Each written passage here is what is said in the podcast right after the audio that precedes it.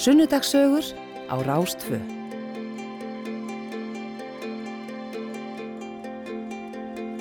Komiði sæl og blessuð og velkominni sunnudagsögur hér á Rástfö á þessum ágæta sunnudegi. Ég heiti Gíja Holmgerstóttir og heils ykkur hérna úr stúdíón okkar á Akureyri. Og ég er svo heppin að fá að hlaupa í skarði fyrir hana Hrafnildi Haldórs í dag og ég ætla að vera með ykkur þangar til klukkan þrjú. En í mig En í fyrri helmingi þáttarins þá ætla ég að spila bara svona notalega tónlist og, og síðan fæ ég til mín einn gest. Það er hún Valgerður S. Bjarnadóttir. Hún er nýdoktor við Háskólan á Akureyri, uppeldis og mentunafræðingur og hún ætlar að koma að henga til mín og uh, hún ætlar að segja okkur aðeins frá sér. Og svo í setni hluta þáttarins þá munum við, svona eins og alltaf þessa dagana, útvarpa beint frá upplýsingafundi almannavarna sem að hefst hér á Rás 2 strax að loknum uh, tvö fréttum. En áður en við höldum lengra þá skulum við uh, já, hlusta svolítið á uh, smá tónlist og fá auðlýsingar og, og svo kemur hún valgjörðinga til okkar.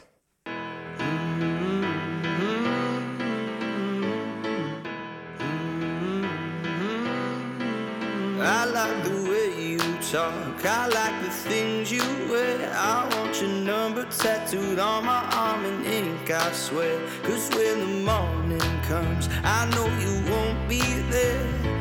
Every time I turn around, you disappear.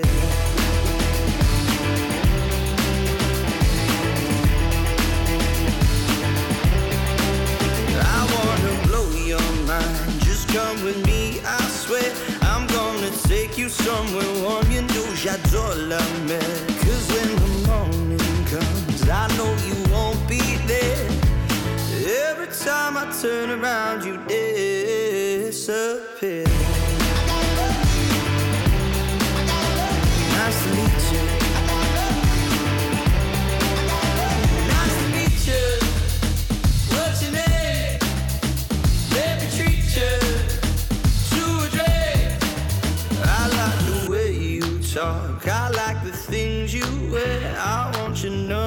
Tattooed on my arm in ink, I swear. Cause when the morning comes, I know you won't be there. But every time I turn around, you disappear. Nice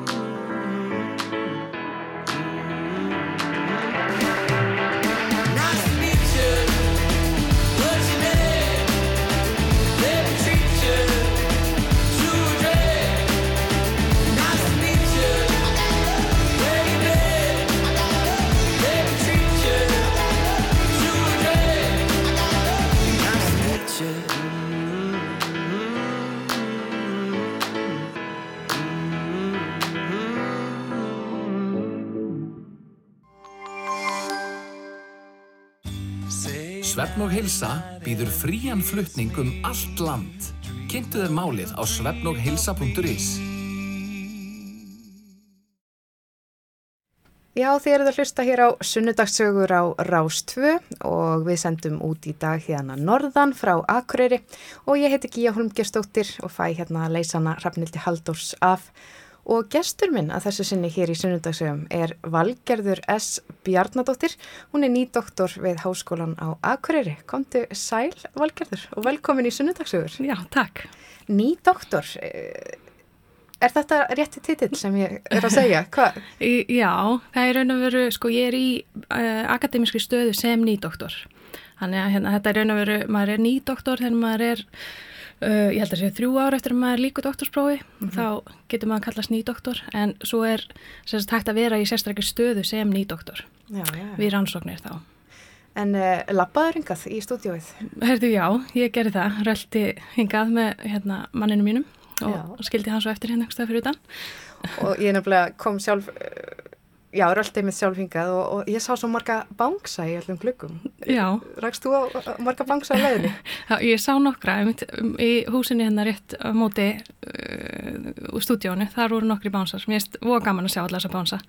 Og hérna, við höfum verið að fara út að ganga. Fórum í hátíðsköngu í gær og, og þar voru einmitt mjög margi bánsar og hérna og maður heyrir á fólki sem er út að ganga með krakkana sína að telja bánsa Þetta er ósað skemmtilegt og þetta er auðvitað viðbrað við eh, já, þessum fordæmalösu tímum sem við lifum núna á. Já, Hvernig leggst þetta í þig og þína? Mm, sko, við erum náttúrulega kannski bara mjög heppin að hérna, fjölskylda mín að ég er, ég er 12 ára strák sem að, hérna, er í skóla og, og hann getur bara verið heima. Ég er búin að vera að vinna heima núna í einu hálfa viku og við erum bara hraust og okkar fjölskyldur.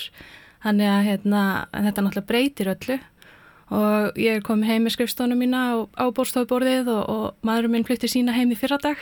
Að hann situr á móti mér og, og, hérna, og stundum finnst honum ég tala á hátt þegar ég er á einhverjum fundum og, og, og svo í gær var ég að, hérna, að kenna síðustu tímana í háskólanum og, og þá þurfti ég að finna mér stað einhverstaðar nálagt rátetnum í húsinu og, og lokaði mig af inn í Svefnibyrgi þetta er svona allt öruvísi heldur en vanalega að hérna, en þetta gengur upp allavega Já, það verða allir einhvern veginn að finna sér leiðir. Það er bara eiginlega útrúlegt líka hvernig Já. nær að bjarga sér. Já, já, akkurat Og þú ert nú að gera, já, þú ert að rannsaka þessi áhrif á fjölskyldulíf. Mm, já, svona hérna aðeins að byrja, við vorum að setja rannsóknar stað, ég og samstagskona mín Andrea Hjálmsdóttir, um hérna svona líf fjölskyldufólks á tímu COVID Já.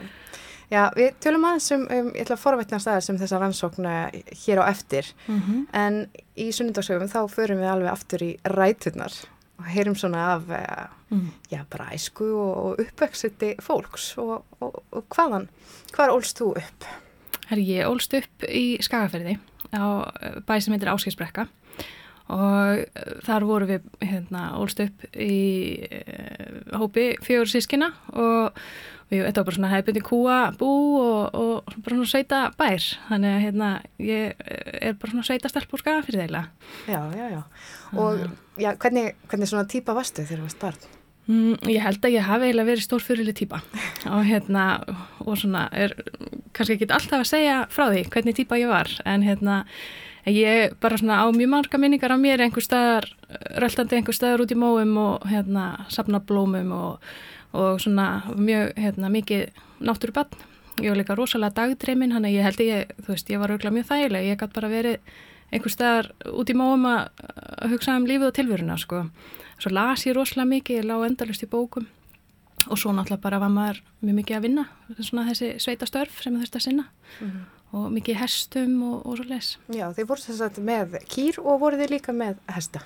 Já, vorum hérna með kýr og svo bara eins og gerðan var í skafri á þessum tíma þá áttu bændur alveg fjöldan allan af hrossum og hérna og mörgum þótti mjög svona ákjósanlegt að, eða svona það var eiginlega svalast sko ef þeir gátt ekki sagt hvað er ættu mörg hross að þeir gátt ekki Já, talið já, já. en, hérna, en það voru, voru alltaf mörg hross á, á mínu heimli og, og við vorum hérna, með, alltaf með hesta á játnum og, og fara í útriða túra og svona Já, Þannig. þannig að hestamennska var stór partur af þinni æsku. Já, hún var það og, hérna, og það var bæði bara svona með hérna, pappa og sískinu mínum að fara í reytúra á kvöldin og svona í hérna, góðaverinu, bara svona marga minningar af því og síðan hérna, fannst mér þetta alveg ofsalega skemmtilegt og ég, ég var, hérna, þetta var svona eiginlega, ef maður getur sagt svona mín íþrótt. Uh, já. vinkonum mínar voru allar að keppi frjálsum og ég var mjög léli í, í öllu svoleiðis en ég keppti mikið á hestum á úlinsárunum Já, og hvernig gekk það?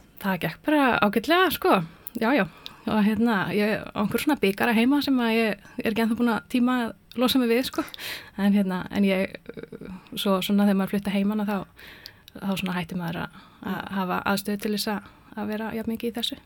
Eh, Þú ert alveg upp á Áskeirsbrekku í já.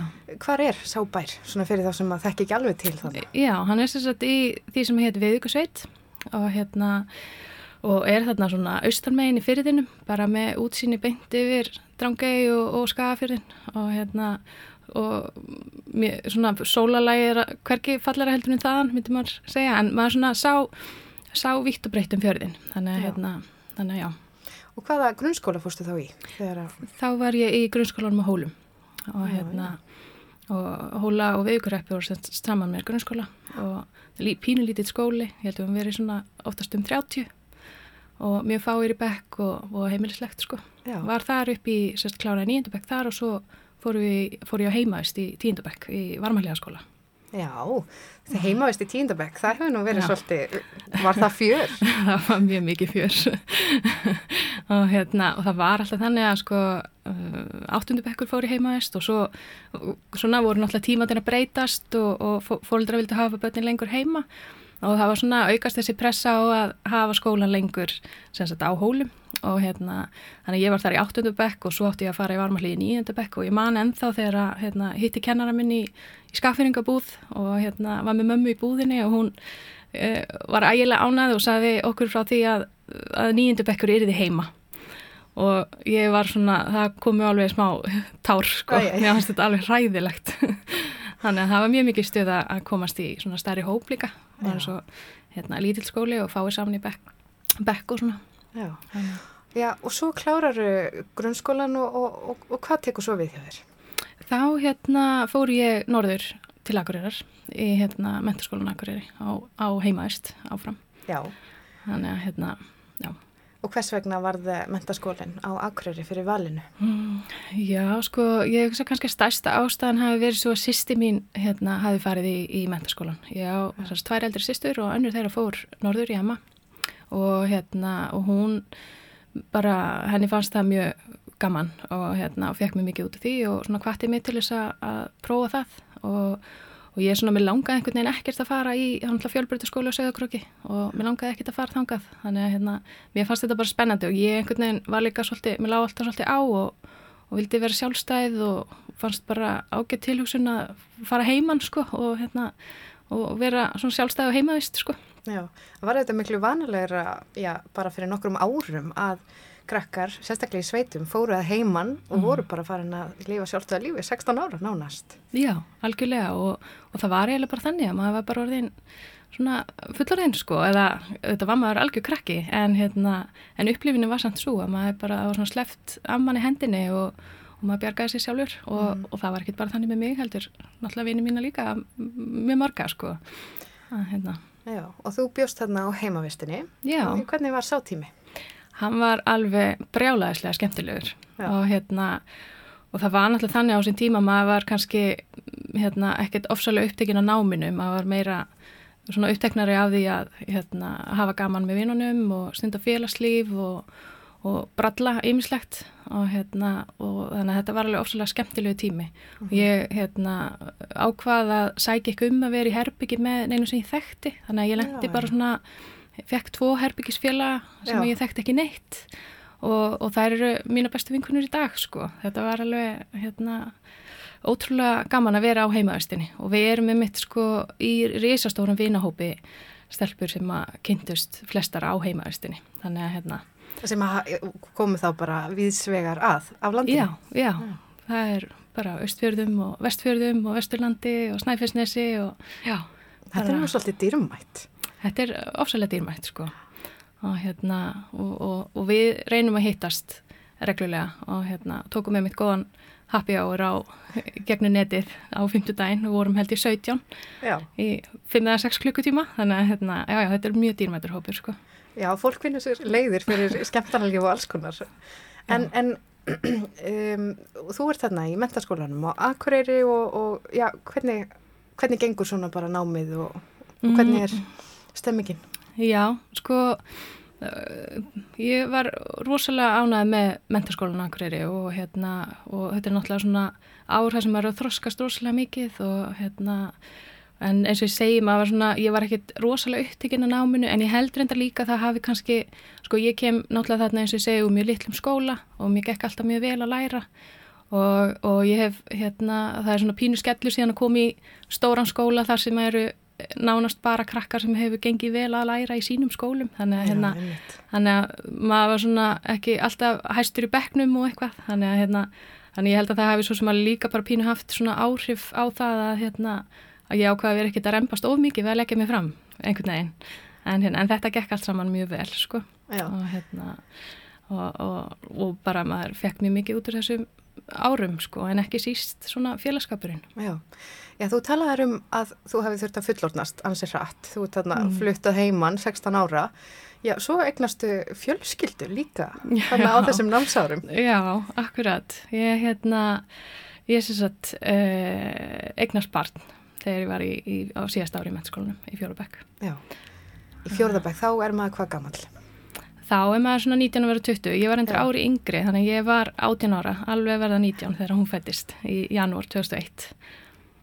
Þannig. Þú kláraður skólan eh, bara á sama tíma? Hvernig, hvernig fór þetta? Já, sko, ég náttúrulega hérna, var bara svo lánsum að, að ofsal, það var óslega gott fólk í þessum skóla og, hérna, og einmitt þegar ég kom staði ég var í hérna, ólétt að þá svona náttúrulega fór tilverðan svolítið á kvolf sko Já. og hérna og fyrsta sem ég hugsaði var bara ó nei, ég mun ekki geta útskrifast að réttni tíma og, og einhvern veginn svona en, hérna, en ég bara einmitt fór og, og rætti við aðstofskólamistara sem er núverandi skólamistari, Jón Mór Híðansson og ég man alltaf að hann hérna, hann óskaði mér til hamingju sem sagt. Ég kom til hans alveg ægilega stressuð og held að allt væri bara búið, ónýtt Já.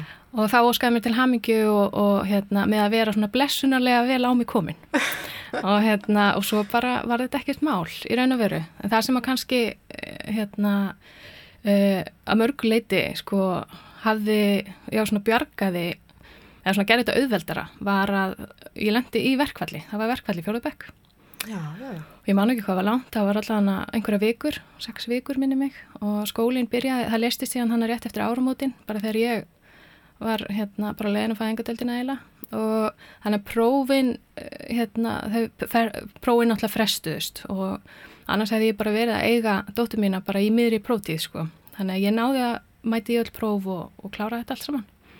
Og hérna, já, þannig að þetta bara gekk allt saman ágætlega. En auðvitað þegar maður er á þessum aldrei að þá svona, hérna, þú veist, ég fór, ég fór ekki í útskriftaferð og, og svona, eh, náttúrulega mingaði þáttökum minni í félagslífinu, talsvert Já. og hérna, en þá bara, ég hef aldrei verið með, jafn- ég var ekkert með jafn góður einhverni neina önn eins og síðustu önnina eftir sérst hún, þegar hún var fætt, sko, af því að þá hafði ég bara, þá var fókusin bara á náminu en ekki einhverju öðru, sko. Akkurat.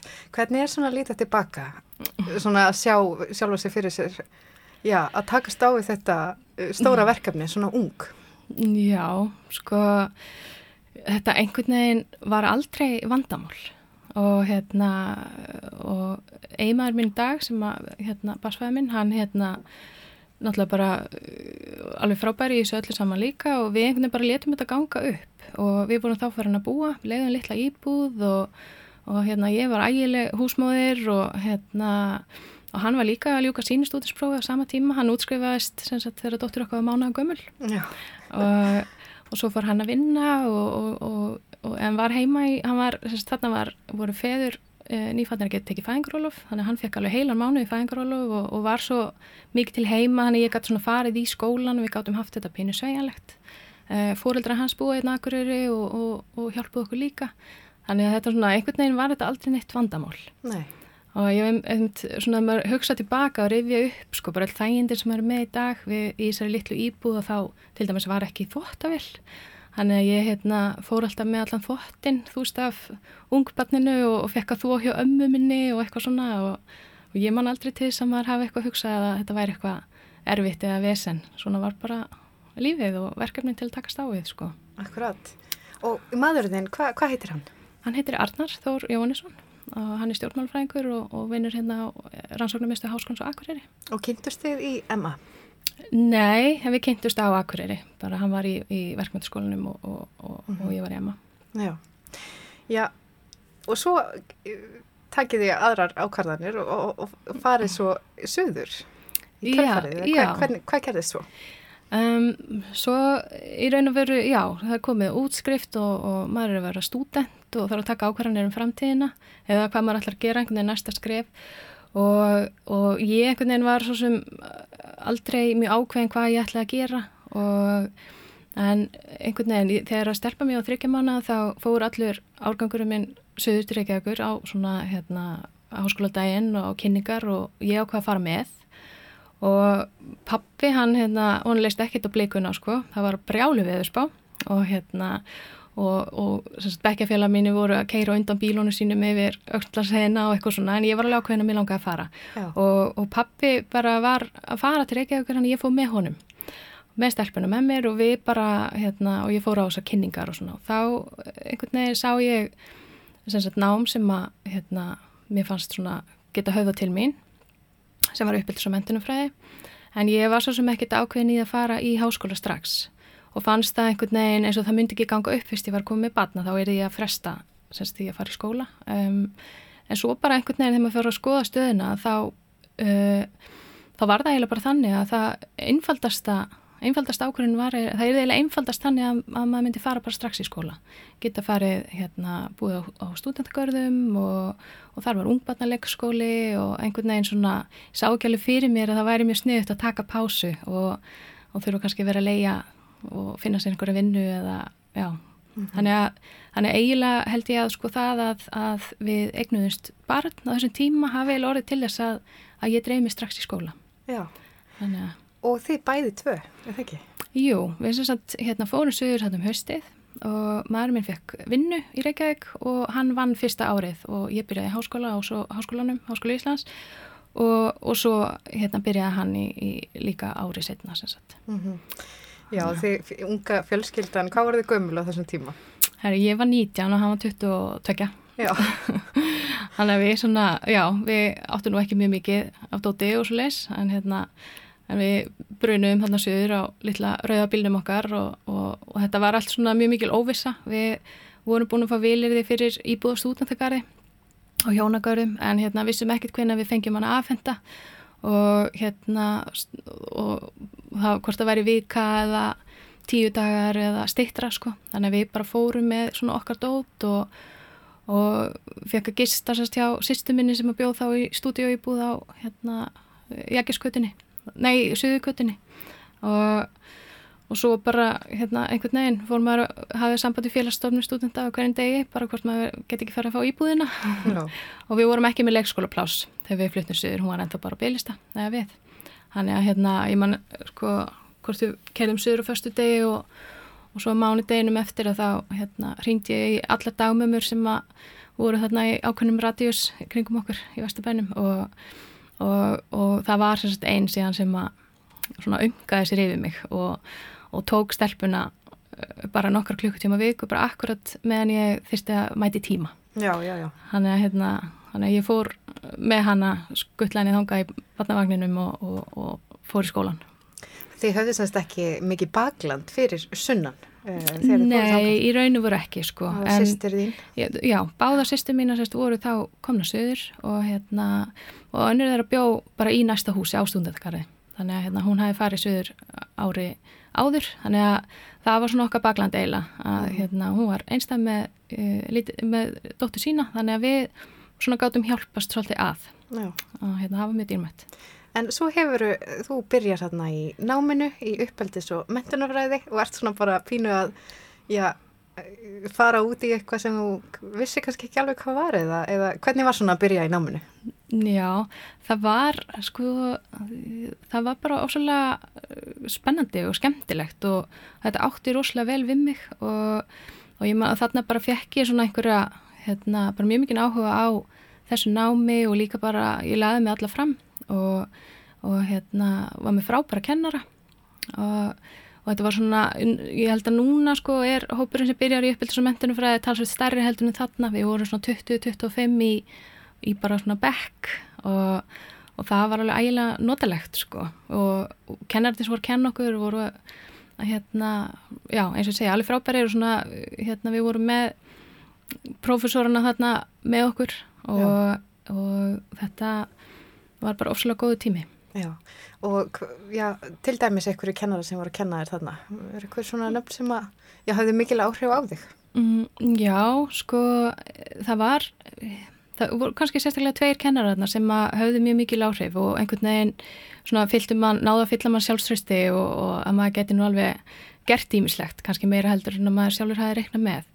Og það var, ég held ég að vera öðru ári að þá var ég mikið hjá Guðni Guðbjörnsdóttir sem að hérna var þínkona hjá kannalistanum og, og svona ægilegu kvennskörungur og feministi og hún hafi mjög mikil áhrif á mig og, og hún bauði mig vinnu hjá sér þannig strax held ég, ég held ég að vera öðru ári og þá var hún að vinna rannsókn og ég var að bara svona alls konar snatti og afrita viðtöl og eitthvað svo les og hún var síðan leiðbyrnandi minni í mestarritgerinu minni, nei, fyrir bíaritgerinu minni uh, sem ég skrifaði mitt um sko feminisma og jafnbrettisfræðslu í skólum og, og, og, og svo les en síðan var hérna líka Jón Tóru Jónusson hann hérna uh, ég fór líka að vinna hjá honum síðan hann aðeins setna og og var svona, já, að, svolítið að grúska með honum í, í skólasögunni og svo les. Þannig að hérna, og hann er svona, ég er ennþá að vinna með honum í dag í, í þeim rannsóknum sem ég er að gera.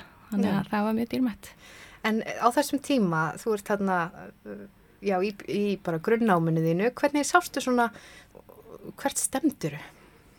Já, það er úrslega góð spurning og ég veit ekki alveg hvert ég stemdi, sko. Nei. Og einhvern veginn fólkdra mínir fóru ekki í, í háskóla og raun og veru við hérna, sýsturnar voru það fyrstu sem að svona bara okkar kynnslóðeila sem að hérna í fjölskyldinu sem að fóru í háskólanám og hérna ólíkt kannski sumi vinnu mínu sem að höfðu mjög skýr plön hvað þið vildu verða og völdu sér greinar þar sem að var gott starfsörgi eða, eða góð laun eða eitthvað svo leiðis að þá var ég bara svona hugsa um að gera eitthvað sem ég hefði áhuga á.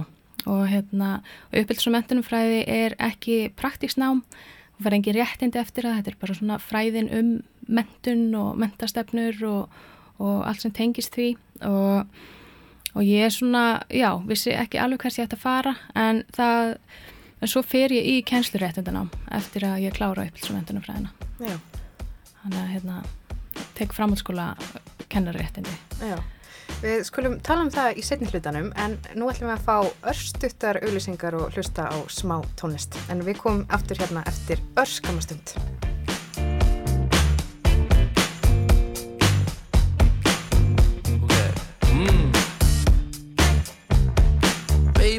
Smá busy, ekki ónáða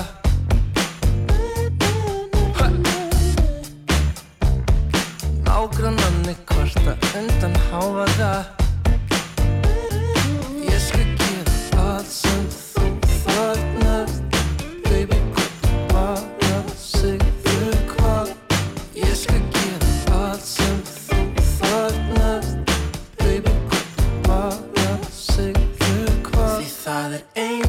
azul.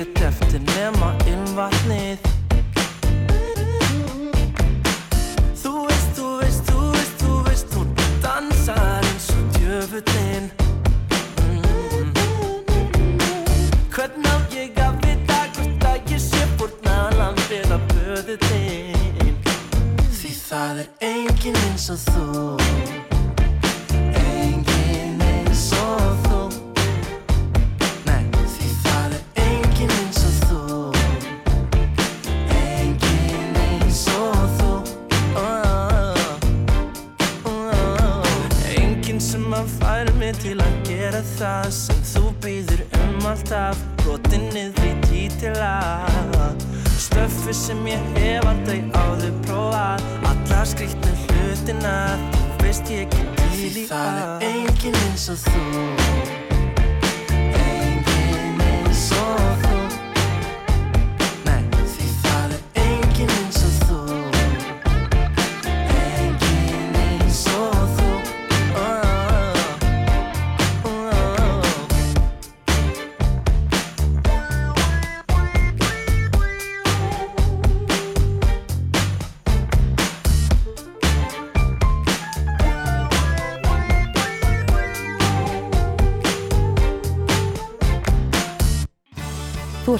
Hlusta á sunnudagsögur á Rástfö.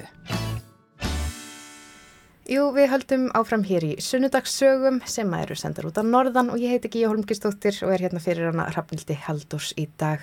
En hjá mér situr Valgerður S. Bjarnadóttir, hún er nýdoktor við Háskólan á Akureyri og við erum svona búin að fara um víðan völl, við töluðum aðeins um uppvakstar árin þín í Skagafyrðinum, svo spjöldum við svolítið um námsárin hérna í mentaskólanum á Akureyri og síðan já, þegar þið unga fjölskyldan flytjist söðu til Reykjavíkur og farið í háskólanám. Og já, þú líkur síðan námi uppeldis og mentunafræði og hvað svo? Já, þá sem sagt ég hérna ákvaða að fara í kennsluréttindanám og kannski svona kveikjana því, ég ætlaði aldrei að vera kennari. Og, og ég man alveg eftir svona að ég var 10-12 ára þá ákvaði ég að ég ætlaði ekki að vera kennari Já, hvers vegna og var það? einhvern veginn ákvæði það út af því að ég hafði einhvern tíman hugsað um að kannski uh, myndi ég vilja vera kennari af því að ég var með frábæra kennara í grunnskóla og svona sem ég leiti upp til og, og á einhverjum tímanpunti hugsaði já, það var gamla að vera kennari en svo ákvæði ég bara, nei, þetta er Nei. ekki eitthvað. Þannig að hérna, þannig að eiginlega uh, já, fór ég í kennsluðrétt þetta nám samt eh, svona, eh, ekki með það markmið að verða kennari. Uh, og það var kannski hérna svona kveikjan eða svona kvatin fyrir mig eða ástæðan fyrir því að ég ákvað að fara í kennsluréttindanám var að náttúrulega námið í upplýsamendunum fræðinu var ekki, það var engin svona réttindi sem maður fekk en líka bara hérna það hafði mjög mikil áhrif á mig uh, ég held að vera á haustaninni í, á þrið ári í upplýsamendunum fræðinu að þá það maður að taka kurs uh, í, sem heitir held ég starfskynning eða eitthvað svo les og þá maður að velja sér einhvern vettvang uh, þar sem maður fer og, og, og, og svo sett vinnur, svona hálfgeð starfsnám. Og ég veist, var svona hálf leitandi og vissi ekki alveg hvað ég vildi hérna, gera í hvert ég vildi fara. og, og sumi voru mjög ákveðnir og vildi fara að vinna með börnum á meðferðarheimili eða eitthvað slíkt en ég einhvern veginn enda hjá Rauðakrossinum og er þar í, ég man ekki hvort það voru tvær vikur eða þrjár uh, þar sem að ég bara svona fæ tíma til þess að kynnast allir starfseminni og taka þátt í ímsum verkefnum og skrifa þannig einhverja skýslu og eitthvað svona. Og eitt af því sem ég fekk að vera með í var námskeið fyrir sendiföldtrúa og það kveikti eitthvað hérna svona hjá mér, sem sagt, mér langaði rosalega, ég gæti alveg séð fyrir mér að ég myndi vilja vera já. En þá náttúrulega, þetta voru náðalega hjúkurunafræðingar og læknar og, og einhverju með svona mjög mikilvæga mentun, ekki Já. uppbyldur svo mentunafræði með hérna, ekki svona almennari mentun. Þannig að, þannig að þá svona hugsaði ég með mér að það sem ég geti gert til þess að auka líkunar á því að komast í, að gera, láta eitthvað gott að mér leiða á svona alþjóðavettvangi, það væri að taka kennarréttindi. Já, og voru þá kennarar, eh, fengu þau að taka þátt í svona starfi hjá Rauðakrossinum að fara erlendis? Var, var það möguleiki þá? Já, ég svona, fannst ég allan að vera búin að hlera það eitthvað. Það Já. myndi auka líkurnar en þetta svo sem, hérna, já, og þetta var líka bara, það voru margir sem fóru áfram í kennsluréttindin uh, og maðurinn minn átti eitt ár eftir í háskólanum uh, þarna, því að hann byrjaði ára eftir mér og, og það var svona annarkvort að fara að finna sér einhverja vinnu eða halda áfram að fá námslán og, og, og, og ljúka einhverju svona, einhverju réttindum. Þannig að ég bara skráði mig í þetta og, og, og kláraði það voru, voruð eftir. Já, þú sem ætlaðir aldrei að vera kennari eða Já. vildur ekki vera kennari, þú endar síðan einmitt að fara í kennslu. Já, Eh, ótrúlega skrítið. og það, hérna, bara akkurat þegar ég var að klára kennsturhendina þá, hérna, losnaði staða í Emma og, og ég, hérna, hafði þá samband við minn, hérna, gamla aðstofaskólamistara og, hérna, og, og sótti um og, var búið starfið. Þannig að, hérna, ég var þannig að við, við ætliðum alltaf að flytja norður, það var svona alltaf planið, þannig að, hérna, við flyttum bara norður og ég fór að kenna í Emma þarna 23 ára hausti 2005 23 ára orðin kennari við gamla mentaskólan. já, Það það er nú nokkuð góður árangur. Þú ert ansi unga að koma þannig inn í kennaralið. já ég hérna og, og það var alveg oft þannig að ég var kannski fara með nefndur í einhverjar vettvánsverðir og, og, og það var svona rugglast á mér og þeim sko nei, nei, en það, ég- jú, ég var náttúrulega já, ég var bara 23 og elstu nefndur mínu voru náttúrulega bara aðeins yngri en ég, voru svona um tvítugt en hérna, og þarna fer ég náttúrulega að vinna með mínum gömlu kennurum líka sem að tóku mér afar vel og, og þetta var bara strax ótrúlega gaman og maður svona smell, passaði inn í einhvern veginn og tekið bara vel á móti manni sko. Já, það hafa þá liðið hvað fjögur ár, Já, eða ekki, frá því að þú sjálf bara útskrifaðist. Já, já. Var eitthvað búið að breytast eða, eða var þetta svona bara svipað að þú varst þegar þú varst? Sko, bara ótrúlega svipað. Þetta er náttúrulega svona skóli sem að gefis út fyrir að, halda í hefðir og, og Mhm. svo les. Og það eru mjög margir sem að vinna í Emma sem að voru sjálfur í Emma sem að hérna einhvern veginn svona, þetta, sem er tala um þetta sé hálgert köld sko, en hérna það náttúrulega var ofslega gott að koma það inn og hafa verið hérna sjálf og þekkja svo sem hérna margt að því fólki sem að vanna þetta og, og þekkja svona hefðir og, og annað sko. En það hafði svo sem ekkert margt breyst þannig. Eh, Það var auðvitað, þú veist, verið að kenna þar að hluti var önnu námskora heldur en svo sem að ég lærði sjálf, sko. Þannig að þarna var að fara að kenna uppbyldis og mentunumfræði sem kjörsvísgrein, sem var ekki sérst þegar ég var í Emma. Þannig að ég er í raun og verið ráðin inn til að kenna, kenna þá grein, það kjörsvið og svo hérna, var ég að kenna fleiri greinar með því.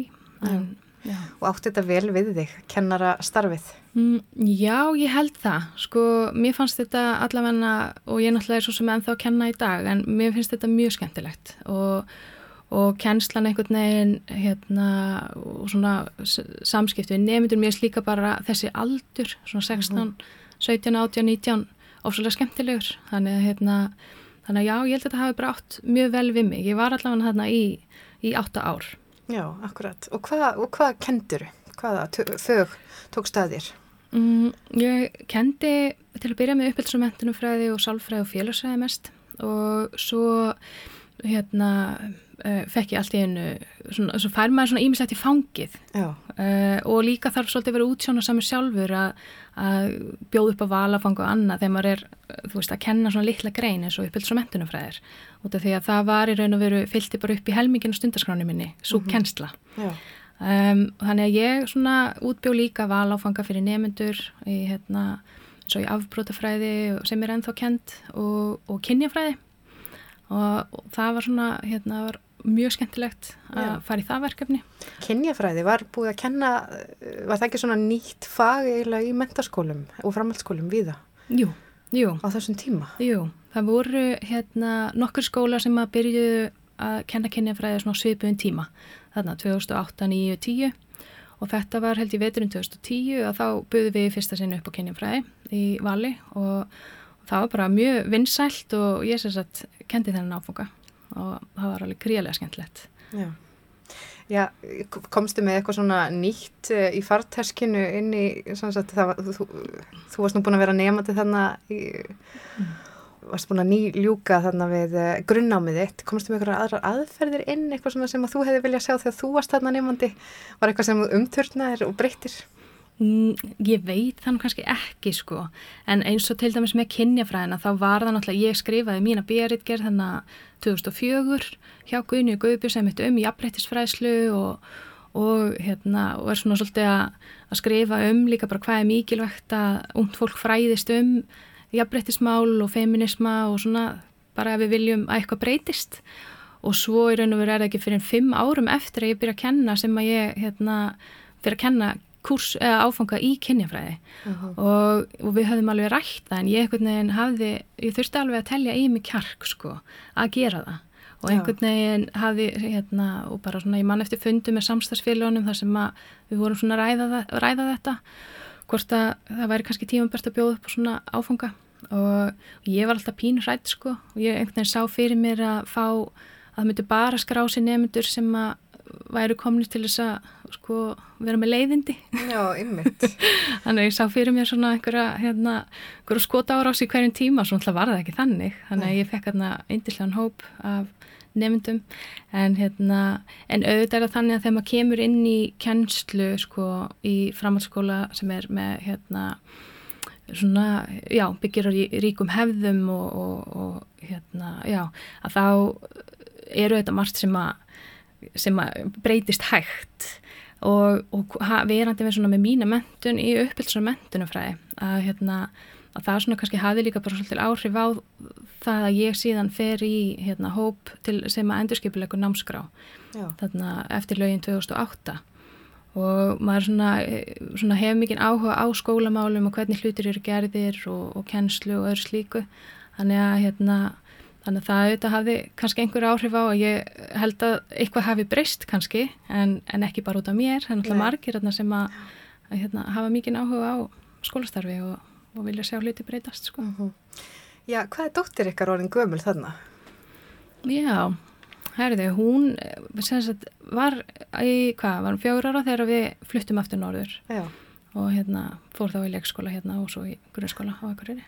Og er fjölskeldan búin að stækka eitthvað eða eru þið ennþá bara þið þrjú eða hvernig? Herðu, það, hérna, við hefum eitt strák líka Já. sem er 12 ára í dag. Hann, er- hann heiti Jóhannes og hún heitir Rannveig. Mm uh, og, og hvernig var svona eignast barn aftur eftir, já, að hafa verið ung móðir og svo fannst þér að vera fjör gömul móðir þarna þegar þú eignast svona ykkar?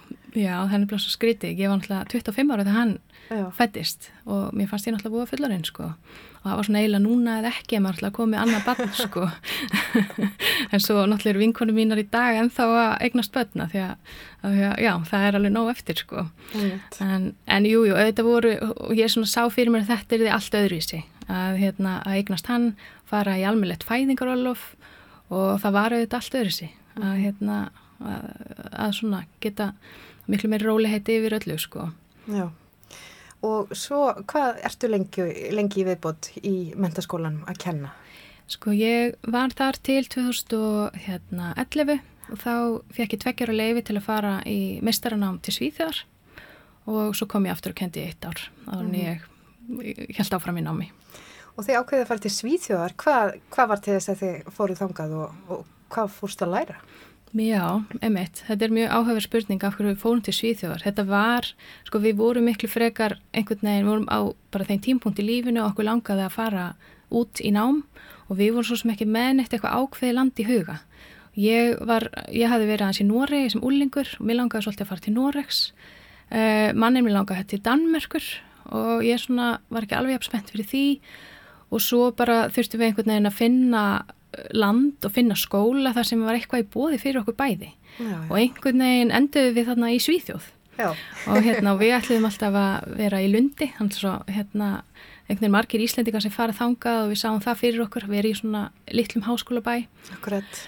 en svo bara enduðum við í Stokkólmi þannig að hérna já, þetta er bara svona alls konar tilviljanir og ýmslegt þannig að, þannig að við förum til Stokkólm samt að 2011 um haustið Og hvað ferð að læra þar?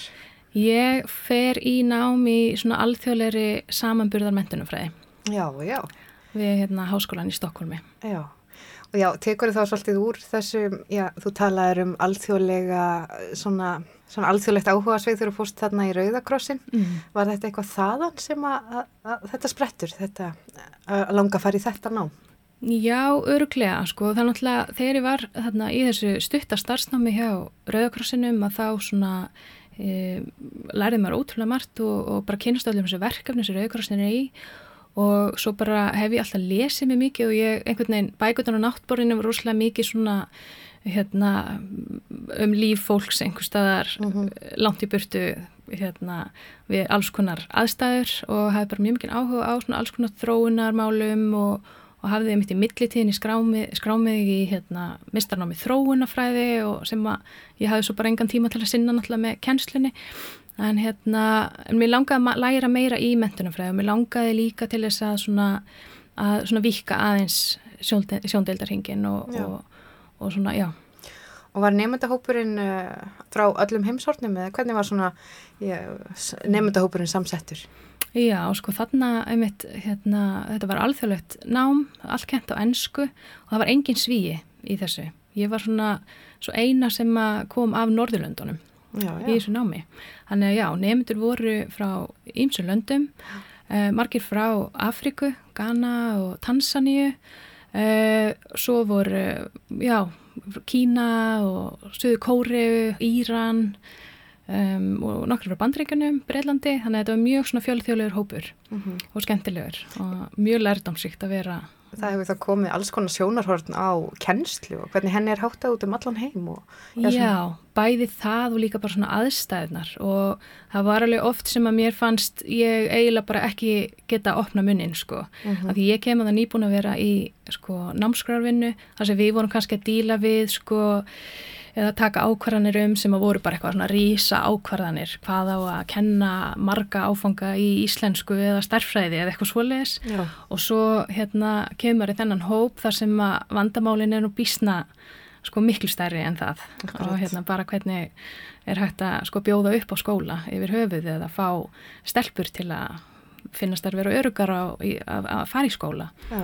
og hérna, þannig að þetta var mjög lærdomsrikt og, og einmitt eignast góða vini þannig eða vinkonur frá bæði Íran og Greiklandi og hérna og mér finnst alltaf mjög áhugavert að spekla ímislegt í þessari vinkonu minni frá Íran. Hún Já. til dæmis var framhaldsskólakennari bara eins og ég.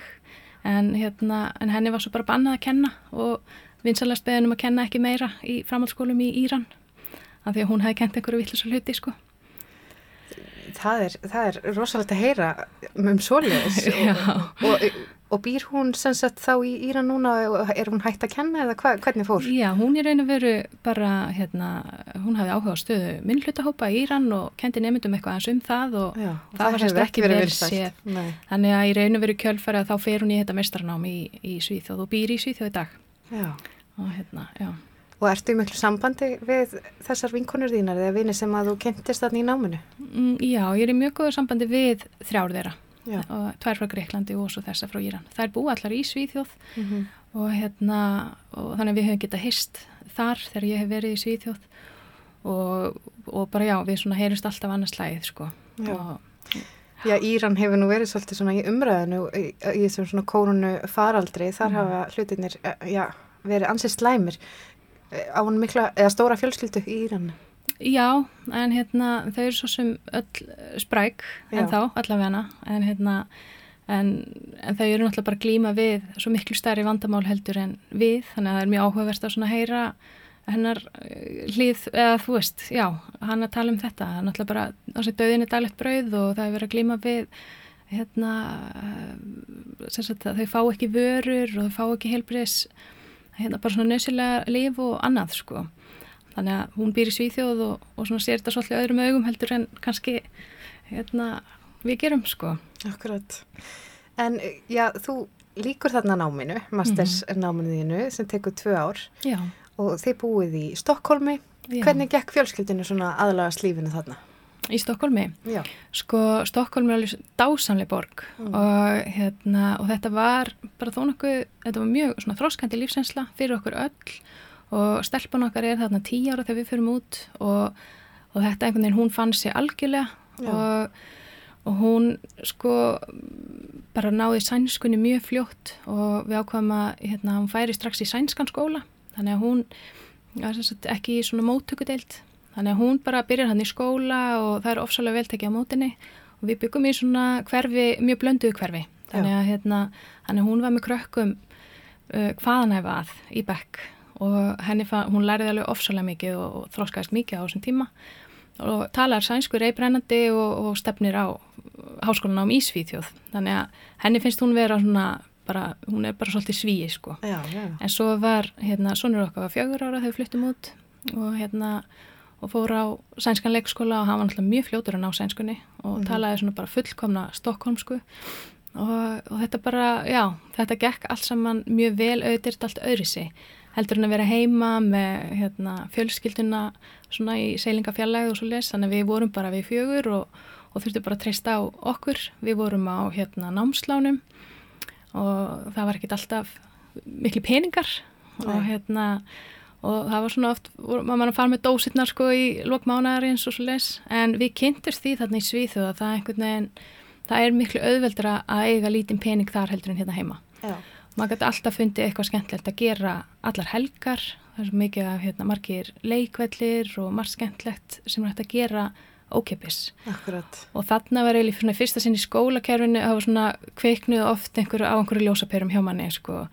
það var svona hluti sem maður hafði aldrei einhvern veginn þurft að hugsa út í og það var til dæmis alveg hérna, mjög ákveðin stefna í skólanum að fóreldrar þurftu aldrei að hérna, senda pening með börnunum sínum það var aldrei þannig nú ætlum við að fara í ís í dag og allir komið 500 kall Já, bara að því að 500 kall fyrir suma er mjög mikið akkurat. og, hérna, og það er einhvern veginn svona já, þetta var mjög lærstómsríkur tími Já. að vera þarna Og hvernig, og svo komið þið heim eftir uh, þessi tvö ár. Mhm. Hvernig var svo það að koma úr þessu alþjóðlega umhverfi bæði fyrir já, ykkur og, og börnin ykkar og að koma aftur heim til Akureyrar? Já, einmitt. Það var, hérna, við hefðum alveg vilja vera lengur úti. Og, og það var náttúrulega þannig að ég var með svo sem örga vinnu heima, ekki maður minn reyndar, en hérna, við vorum ekki mennin að vinnu úti uh, og þannig að við hugsuðum að hvort við ættum að reyna að vera lengur en ákvaðum að fara heim. Og það var svona smá skellur, sko, eða þú veist, já, og ég manna, sko, einhvern tíman við vorum að koma heim, við vorum úti alveg eitt og hálft ár áður þess að koma heim. Og þegar við komum heim í jólinn hérna, hérna, þegar við vorum búin að vera úti hérna í eitt og hálft ár, að þá fór, stoppum við einhverju sjoppu í Mósesbæ eða eitthvað á leiðinni norður og, og þá segir dóttir mín bara, bara, vá mamma, það eru allir hvítir hérna Já, og var bara orðin vön svona allt öðru sig umhverfi og öðru hérna svona miklu meiri fjölbreytileika. Þannig að það var svona, henni fannst, hún var mjög mikil svona heimsborgari þarna. Þetta hafði mjög mikil áhrif á hana. En auðvitað svo bara fluttu við í gamla húsi okkar og, og lífið bara gekk sinn vanagangi. Ég fór í mína vinnu og, og maður minn fannst sér síðan aðra vinnu og, og þetta bara hérna, en það var svolítið áhugaverst samt eins og með bara hvernig börn læra tungumál já, að hún hefur alveg viðhaldið sænskunni en strákurinn okkar bara svissaði yfir í íslensku og kann ekki stakt orði í sænsku í dag. Hvað var hann gammal þegar þið komið heim? Hann var sex ára og var að byrja í skóla. Já, en talaði áður alveg reybrennandi, já, bara, alveg- Stokkólm, sko. Já, já, já, já, alveg sko. Og Og, hérna, og var bara, hann talar mjög mikið og, og talaði mjög mikið á þessum tíma og bara endalust á sænsku sko. já. Og, og mjög, mjög bara fína sænsku. Já, tíminn hleypur frá okkur, uh, en mér langar aðeins að heyra, þú ferð hérna, verður eiginlega bara fræðimaður síðan, uh, já, eftir námið þitt uh, út í Svíþjóð, ferð aðeins í, í mentaskólan og akkur að kenna aftur, en, en ferð síðan bara í fræðimannskona. Já, ég bara, hérna, eiginlega, já, ég var svo sem ekkert ákveðin í því, en, en það var auðlst eftir doktorsnema í sérst, launað doktorsnám við Háskóla Íslands, þarna, hvað, re- svona ári eftir að við komum heim og, og ára í rannsóknarhópi sem að, var að gera rannsóknir á framhaldsskólanum og, og ég hefði bara áhuga á að prófa, ákveða að prófa að sækja um og hérna var svo sem ekkert ákveðin í því þú veist að, að mér langaði endilega í doktorsnám akkurat á þessum tímapunkt í lífinu Nei, en svo var mér búin staðan og ég bara sló til sko akkurat. Og nú ertu að vinna í, uh, já, aðrannsókn með mm. uh, samstarfskonu þinni. Já, Já, um svona lífið og tilveruna hjá fjölskyldum á þessum svona COVID-tímum. Segðu mér að þér á Já. þessu. já, það er náttúrulega sko mitt aðstarf hjá háskólanum er í allt annari rannsókn en, hérna, en svo bara einhvern veginn í kaffispjalli hjá okkur að þá fannst okkur bara mjög mikilvægt að einhvern veginn að fara stað með að kortleggja uh, og fá upplýsingar um þennan fáránlega raunveruleika sem að fólk lifir í í dag Já. og þess að tilveru fjölskyldu fólk sem hefur einhvern veginn umturnast. Og, hérna, og þetta er náttúrulega eins og hefur mjög oft komið fram fór dæma lausir tímar. Þannig að, hérna, við ákvaðum að, að fara af stað. Og, og við erum nú vonað að þetta verði síðan að stærra verkefni. En hérna, til að byrja með að þá uh, ætlum við að byrja fólkum semst, að fylla út svona tíma dagbók uh, af því að já, tímin er náttúrulega bara svona takmörku auðlind og einhvern veginn núna að þá eiga fóreldrar að hafa tíma til þess að sinna fullri vinnu heima og uh, vera með börnin heima og vera, eru alltaf náttúrulega kennarar og, Og, og, íþróttakennarar og, og alls konar. íþróttakennarar, íþróttaþjálfarar og, og margir eru orðnir tónlistakennarar og, þetta er bara svona allt í einu alls konar hlutverk sem að fólk hefur vanalega fóreldrar hafa ekki þurft að sinna og aðrir hafa verið í sem hafa vera að færast inn á heimilin.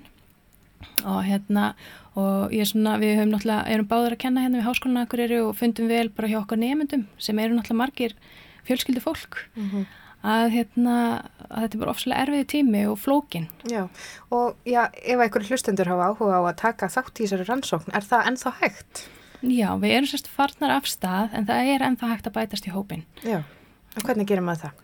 Þá getur maður bara sendt okkur e-mail Já, á hérna valgerðurattunag.is eða til dæmis. já, valgerðurattunag.is og við hvetjum þetta alla til þess að uh, taka þátt, það verður nú gaman, uh, því fleiri því betri er það ekki í svona rannsóknum? Jú, algjörlega. Og þetta, þetta er ekkert með þó svo að sko, við kynum þetta náttúrulega sem svona dagbókarkönnun að þá er þetta samt ekki þannig að fólk þurfa að skrifa uh, eiginlega dagbók heldur erum við bara með svona frekar einfalt form sem að fólk hérna, uh, það sem fólk svona merki við hversu mikið tíma það veri ákveðin verkefni á hverjum degi og getur svo skrifað hugleðingar og þetta mun taka, við ætlum að byrja bara tveimur vikum þar sem að fólk e, fyllir þetta allt saman út. Já. Þannig að þetta er ekki mjög tímafrekt að taka þátt í þessu. Sem er mikilvægt eh, núna því að já, tíminn er dýrmættir. Og taland um tíma, þá erum við runnin út á tíma. Uh, ég vil bara þakka þér fyrir komuna hingað í stúdíóðu okkar Valgerðu S. Bjarnadóttir. Takk fyrir að segja okkur söguna þína og já, gangiði vel. Takk. Svo lít ég bara í kringum mig og sé alla þessa fegur næri mér. Ég tók því sem gefnu en staldrað aðeins við. Ég er á réttum tíma á réttum stað, hverjum get ég þakkað fyrir það. Ég opnaði augun og hjartað fann á ný betra líf. Af því ég fór loks að trúa því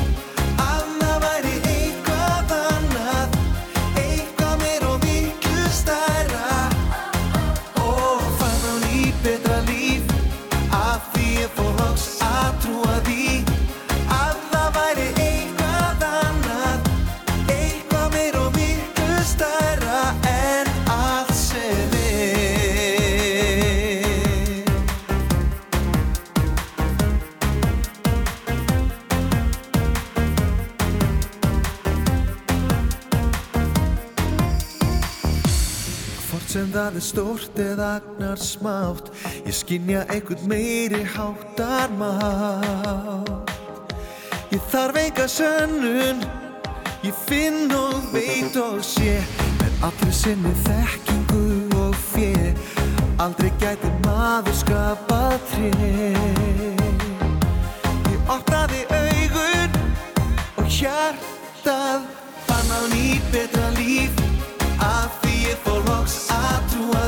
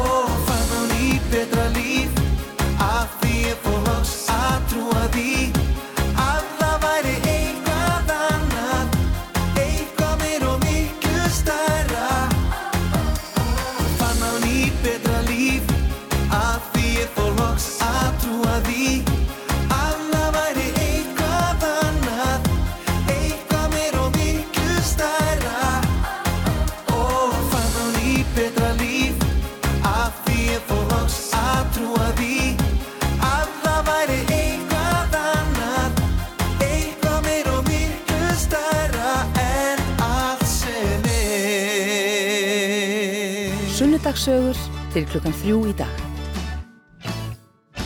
Já, þeir eru að hlusta á sunnundagsögur hér á Rás 2 og ég heiti Gíja Holmgistóttir og er hérna fyrir hana hrafniti Haldórs í dag. En við sendum út að Norðan og hér í stúdíónu hjá mér var hún eh, Valgerður S. Bjarnadóttir áðan. Hún er uppeldis og mentunafræðingur og nýdoktor við Háskólan á Akureyri. Og uh, já, hún sagði okkur svona upp á að vanna sinni æfi og sagði okkur líka frá uh, rannsókn sem hún er að gera þessa dagana. Það er rannsókn og áhrifum kórunu veiru faraldusins, svona heimilshald fjölskyldna á Íslandi. Það er margt að breytast þar og fyrir ykkur sem eru áhuga sem að taka þátt í þessari rannsókn, þá má senda post á netfangiðanar valgerður.unag.is og þá fáið þið allar upplýsingar beint frá þeim. En það fyrir að líða fréttum hér á Rástvö og svo tekur við beint eftir tvö fréttinnar uh, bein útsending frá upplýsingafundi almannavarna, eins og er núna alltaf á hverjum degi hjá okkur og þar verða flutt nýjustu tíðindi af COVID-19 faraldrinum. En fréttir taka við hér innan skams.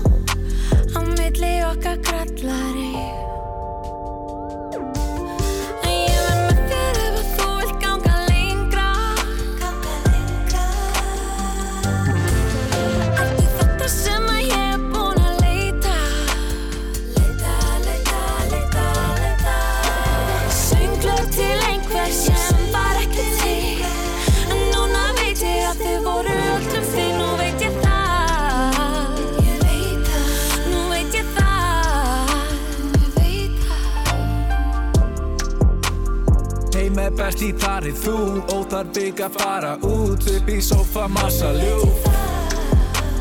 Bjóð til lag og bjóð til líf Þorna hratt í sólin skín Engar ekki stjarnar mín. Ég fer meitt ekkert að þú leik upp í kvöld til fingur Missi kjálkanir á bringu Þú ert engin villi syngur. Syngdu lag sem endar reis Ég þið setna hér er fólk og einhver þarf að skemmta þeim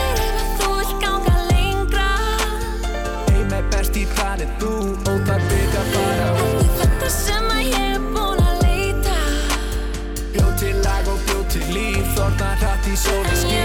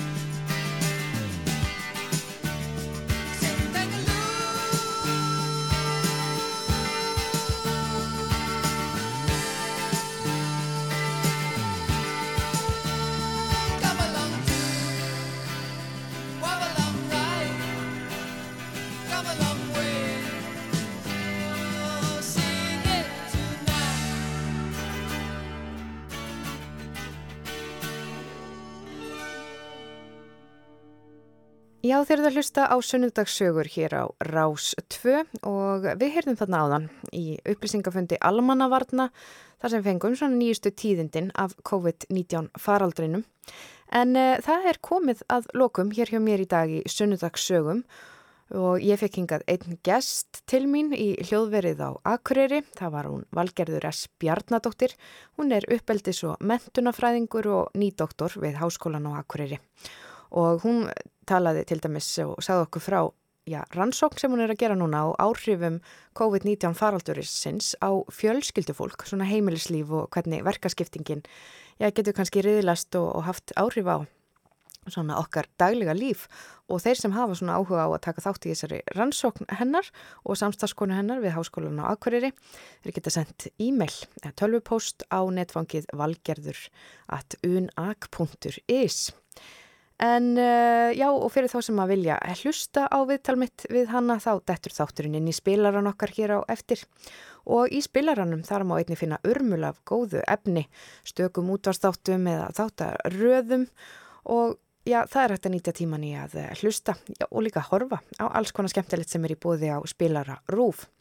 En ég heiti Gíja Holmgerstóttir og ég fekk að leysa hana Hrafnildi Haldós af í dag hér í sunnudagsögum og tímaflakkið með Bergson og Blöndal hefst síðan hér eftir þrjú fréttinnar og svo mun dagskráin ganga svona sinn vanagang hér á Rás 2.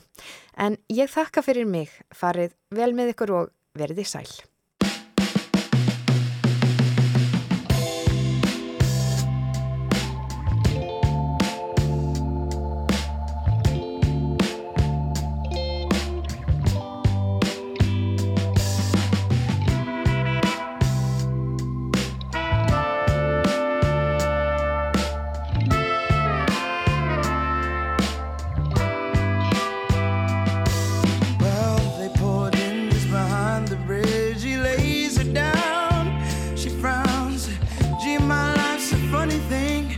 Am I still too